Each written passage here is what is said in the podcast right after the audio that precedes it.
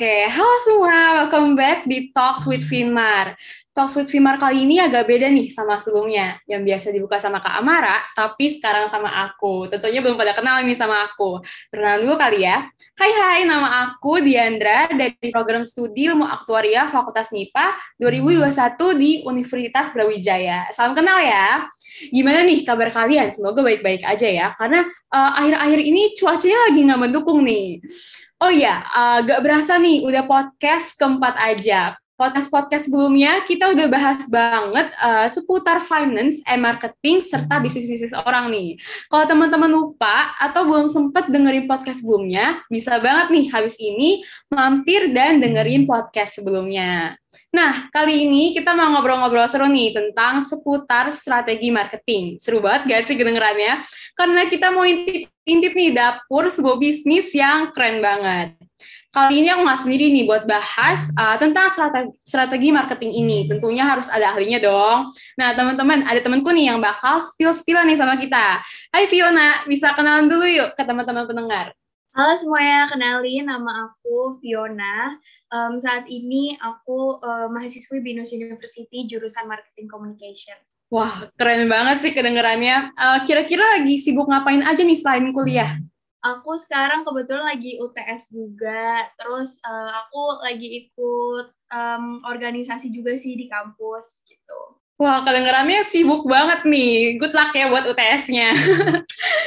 Terus um, katanya kayak apa ya? Pasti atur waktunya keren banget sih, apalagi sambil jalanin bisnis. Nah, teman-teman, kan kepo gak sih sama bisnis yang satu ini? Jadi, hmm. kali ini kita mau intip-intip bisnisnya Vio nih.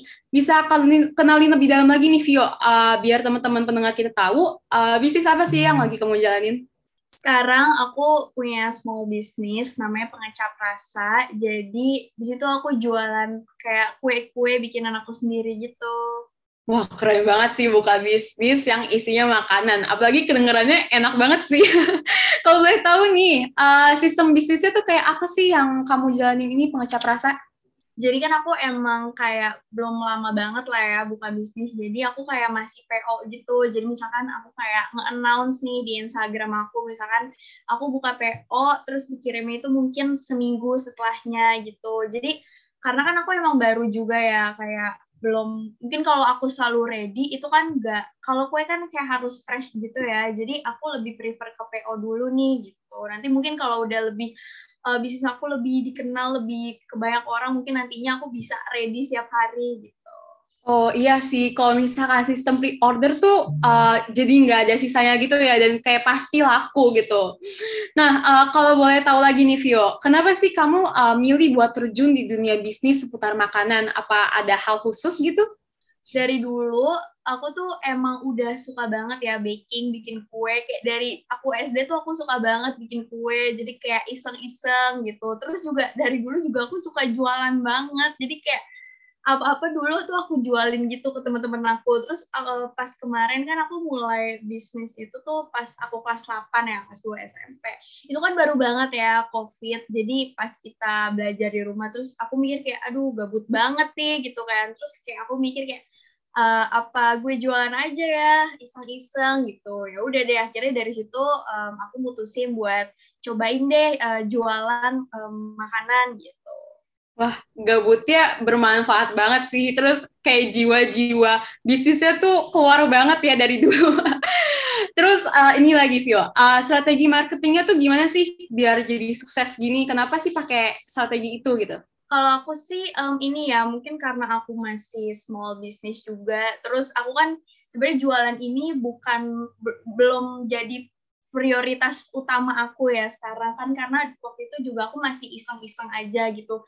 Jadi kalau aku sih masih manfaatin yang namanya mulut ke mulut gitu ya. Mungkin uh, sekarang mungkin um, dari small business tuh mungkin udah agak lupa nih namanya mulut ke mulut. Padahal itu kan juga gratis gitu ya. Dan menurut aku itu juga lumayan efektif banget gitu. Jadi emang kayak keluarga aku tuh support banget ya sama bisnis aku. Apalagi kayak mama aku. Jadi misalkan tuh mama aku um, mau ke rumah temennya terus ngasihnya tuh kue aku gitu. Nah jadi kan temennya nyoba ini nah dari situ dia kayak eh mau dong pesen lagi. Nah terus dari temen mama aku tuh ngomong lagi ke temennya eh ini nih enak loh gitu gitu jadi aku kayak itu sih pakai kayak gitu. Terus juga paling hmm, itu sama kalau misalkan ada temen aku yang beli aku kayak minta tolong gitu eh boleh nggak tolong uh, post di Instagram terus tag I, apa IG pengecap rasa kan di situ kayak ih uh, jadi tahu nih kayak ini tuh bisnis gue gitu. Jadi kayak orang kan penasaran juga kayak gitu sih kalau dari aku sekarang. Wah keren banget sih dengan dari mulut ke mulut tuh jadi kayak promosi gratis juga gitu ya kayak nggak mengeluarkan biaya yang banget banget gitu. Dengan Vio pakai strategi yang udah mantep banget nih. Ada gak sih uh, manfaat atau bahkan uh, hasil dari strategi marketing yang Vio pakai ini buat jualan? Ada banget ya, pastinya kayak orang jadi lebih tahu tentang bisnis aku. Terus juga um, pastinya orderan juga pasti makin banyak lah gitu ya. Aku pengen cerita dikit sih. Jadi dulu tuh um, pas kayak bulan puasa, aku tuh sampai um, nolak-nolakin orderan gitu saking saking banyaknya gitu bukannya nolak rezeki gitu ya karena kan yang kerjain juga aku sendirian kan terus juga um, waktu itu tuh ada satu bahan yang benar-benar habis di mana-mana gitu. Jadi kan kayak bingung gitu ya dan um, itu juga dijualnya tuh jadi jadi mahal banget. Jadinya aku kayak ah udah daripada gue rugi akhirnya aku kayak jadi tolak-tolakin gitu. Jadi itu sih sebenarnya manfaatnya jadinya pasti um, orang tahu gratis juga terus pastinya orderan juga makin banyak. Ya sih dari cerita Vio tuh kayak pasti nggak mudah sih buat mulai sebuah bisnis. Apalagi tadi yang cerita pas bulan puasa tuh kayak struggle banget nih. Uh, boleh spill spill struggle lain nggak sih? Kayak apa sih yang kamu alamin lagi ketika uh, mulai awal promosi buat produk uh, kamu ini? Kalau aku paling um, sebelum mulai bisnisnya kali ya. Jadi pastinya kalau kita jual makanan itu kita harus banget ada yang namanya trial and error. Jadi aku tuh um, um, bikin menu di um, pengecap rasa tuh nggak, misalkan aku bikin terus langsung dijual, enggak pastinya aku coba-coba dulu gitu ya. Pasti pasti tuh nggak tahu kenapa di pertama tuh um, ada fail segala macam tapi kadang tuh aku nggak nyerah gitu ya aku coba lagi gitu kayak cuman kan yang pas misalkan yang pertama kita gagal pasti kita udah tahu kan kayak kemarin tuh kenapa ya kira-kira akhirnya aku coba lagi itu sih menurut aku lumayan bikin PR banget buat nyiptain suatu menu yang udah jadi final gitu. Oh berarti kamu bener-bener nerapin um, ke, apa uh, kesuksesan tuh datangnya dari kegagalan ya pasti. Nah. Menurut kamu lagi nih, um, kan kamu pasti promosi-promosi gitulah ya. Uh, kalau menurut kamu nih, uh, seberapa pentingnya sih kayak sosial media buat promosi atau masarin produk-produk kamu? Penting banget ya, kayak zaman sekarang siapa sih gitu ya yang nggak pakai sosmed gitu. Jadi aku juga pakai Instagram ya. Kalau aku pakai Instagram tuh buat um, kayak kasih tahu sebenarnya apa sih nilai dari bisnis aku itu apa. Jadi menurut aku penting banget ya isi dari feed sebuah Instagram gitu. Kalau aku kan um, dari logo aku tuh warna pink, kuning gitu kan. Itu kayak aku tuh pengen ngelambangin cheerful kayak gitu-gitu. Menurut aku juga pemakaian logo itu sangat penting kayak sebenarnya mau apa sih uh, value dalam bisnis lo tuh mau kayak gimana gitu tuh penting banget kayak biar orang tahu. Nah, aku kan jadi um, pengen orang-orang tuh ceritanya kalau makan kue gue tuh jadi seneng loh segala macam. Nah dari feedsnya itu uh, kita bisa taruh nih mau tema apa. Kalau aku kan cheerful ya, terus jadi makanya aku mungkin di feedsnya tuh lebih cheerful, terus kayak ada elegan-elegannya dikit gitu ceritanya. Terus juga gimana sih juga kita um, put, uh, put an effort gitu ya buat kasih uh, gimana sih cara kita foto produknya kan orang juga males ya kalau kita kayak foto asal-asalan kan kelihatannya jadi nggak enak itu juga menurut aku Benar -benar. merupakan strategi marketing gitu. Hmm, iya sih, kalau menurut aku juga gitu sih, kayak walaupun kamu juga buat ini small business gitu ya, tapi keren sih udah niat banget buat kayak dari filosofi logo dan gimana atur feeds ya pasti ya, biar orang-orang uh, tertarik sama produk kamu Uh, kalau terus uh, apalagi di masa pandemi kayak gini nih, orang-orang pasti bakal lebih mudah dan aman buat beli-beli lewat kayak sosial media terutama Instagram kan. Nah, uh, dengan Vio uh, ngelakuin kayak pemasaran dan promosi kayak tadi buat logo atau uh, uh, atur feeds gitu. Kira-kira ada gak sih biaya khusus yang kamu keluarin buat itu? Kalau biaya khusus sih, aku dulu tuh sempat nyoba namanya Instagram Ads gitu. Cuman uh, waktu itu uh, berapa ya? Aku, aku lupa sih. Mungkin range-nya kayak 200 ribuan gitu. Aku aku udah agak lupa. Cuman waktu itu aku sempat nyobain Instagram Ads. Uh, cuman efeknya di aku tuh belum belum terlalu ada gitu. Waktu itu paling cuman likes-nya tuh like, jadi banyak banget. Cuman yang beli tuh belum ada. Nah itu mungkin kesalahan aku juga sih. Mungkin karena aku belum ngeanalisis gimana sih cara kerjanya Instagram Ads gitu. Cuman kalau buat biaya-biaya lain gak ada sih kok. Karena aku independen ya. Karena aku sendiri aku bener foto sendiri edit sendiri segala macam gitu. Enggak sih. Hmm. mungkin antara nggak modal pengen hemat gitu atau pengen mandiri gitu Iya sih, tetap harus hitung-hitung buat pengeluaran juga sih. Kalau kayak gitu kayaknya lebih hemat juga sih. Dan dengan uh, Vio nyoba tadi yang ads di Instagram juga jadi tahu nih kayak gimana sih cara kerjanya gitu kan. Nah tentunya um, dalam strategi pemasaran yang udah Vio susun nih, pasti ada kayak segmentasi pasarnya ya.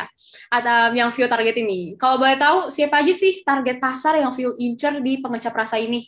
Kalau aku sih lebih ke anak-anak muda ya mungkin uh, anak SMA kuliah gitu. Kan yang tadi ya aku bilang kayak dari logo aku tuh sebenarnya uh, lebih ke cewek banget gitu. Jadi aku lebih ke remaja perempuan gitu. Tapi sebenarnya nggak menutup kemungkinan juga yang beli-beli itu sebenarnya banyak juga yang kayak umur 40-an gitu lah pokoknya. Yang mungkin udah ibu-ibu. Karena mereka itu ngelihat kalau dari kayak lucu gitu. Aku tuh sebenarnya jual banget packingan gitu ya, karena aku suka yang packing lucu-lucu gitu. Jadi kadang mereka itu yang udah orang tua juga beli tuh karena pengen ngasih orang gitu kan, karena kayak gemes gitu kan dari packaging, uh, packagingnya gitu. Hmm, berarti bisa diambil kesimpulan nih. Berarti dari desain dan packing-packing ini kayak benar-benar menentukan banget nih target pasar Vio gitu ya. Dari produk-produk yang ada di pengecap rasa nih, ada sih produk yang kamu rekomend banget gitu dan yang unggul gitu buat kamu tawarin ke kita-kita? Kalau dari aku sih um, ini sih ya, menu pertama itu adalah tiramisu gitu. Kenapa sih aku bilang itu unggulan? Karena um, menurut aku itu salah satu best sellernya banget sih. Karena sampai sekarang juga um, tiramisunya aku tuh masih kayak ditanya-tanya gitu kayak aduh kapan sih nih buka PO-nya kayak pengen dong gitu gitu jadi menurut aku itu sih yang paling um, aku bisa unggulin gitu Wah, serius aku jadi pengen order abis ini. nah, menurut Vio tuh uh, seberapa penting sih buat nentuin uh, strategi marketing? Gimana caranya buat uh, nyesuaiin strategi marketing uh, dengan bisnis yang kamu jalanin?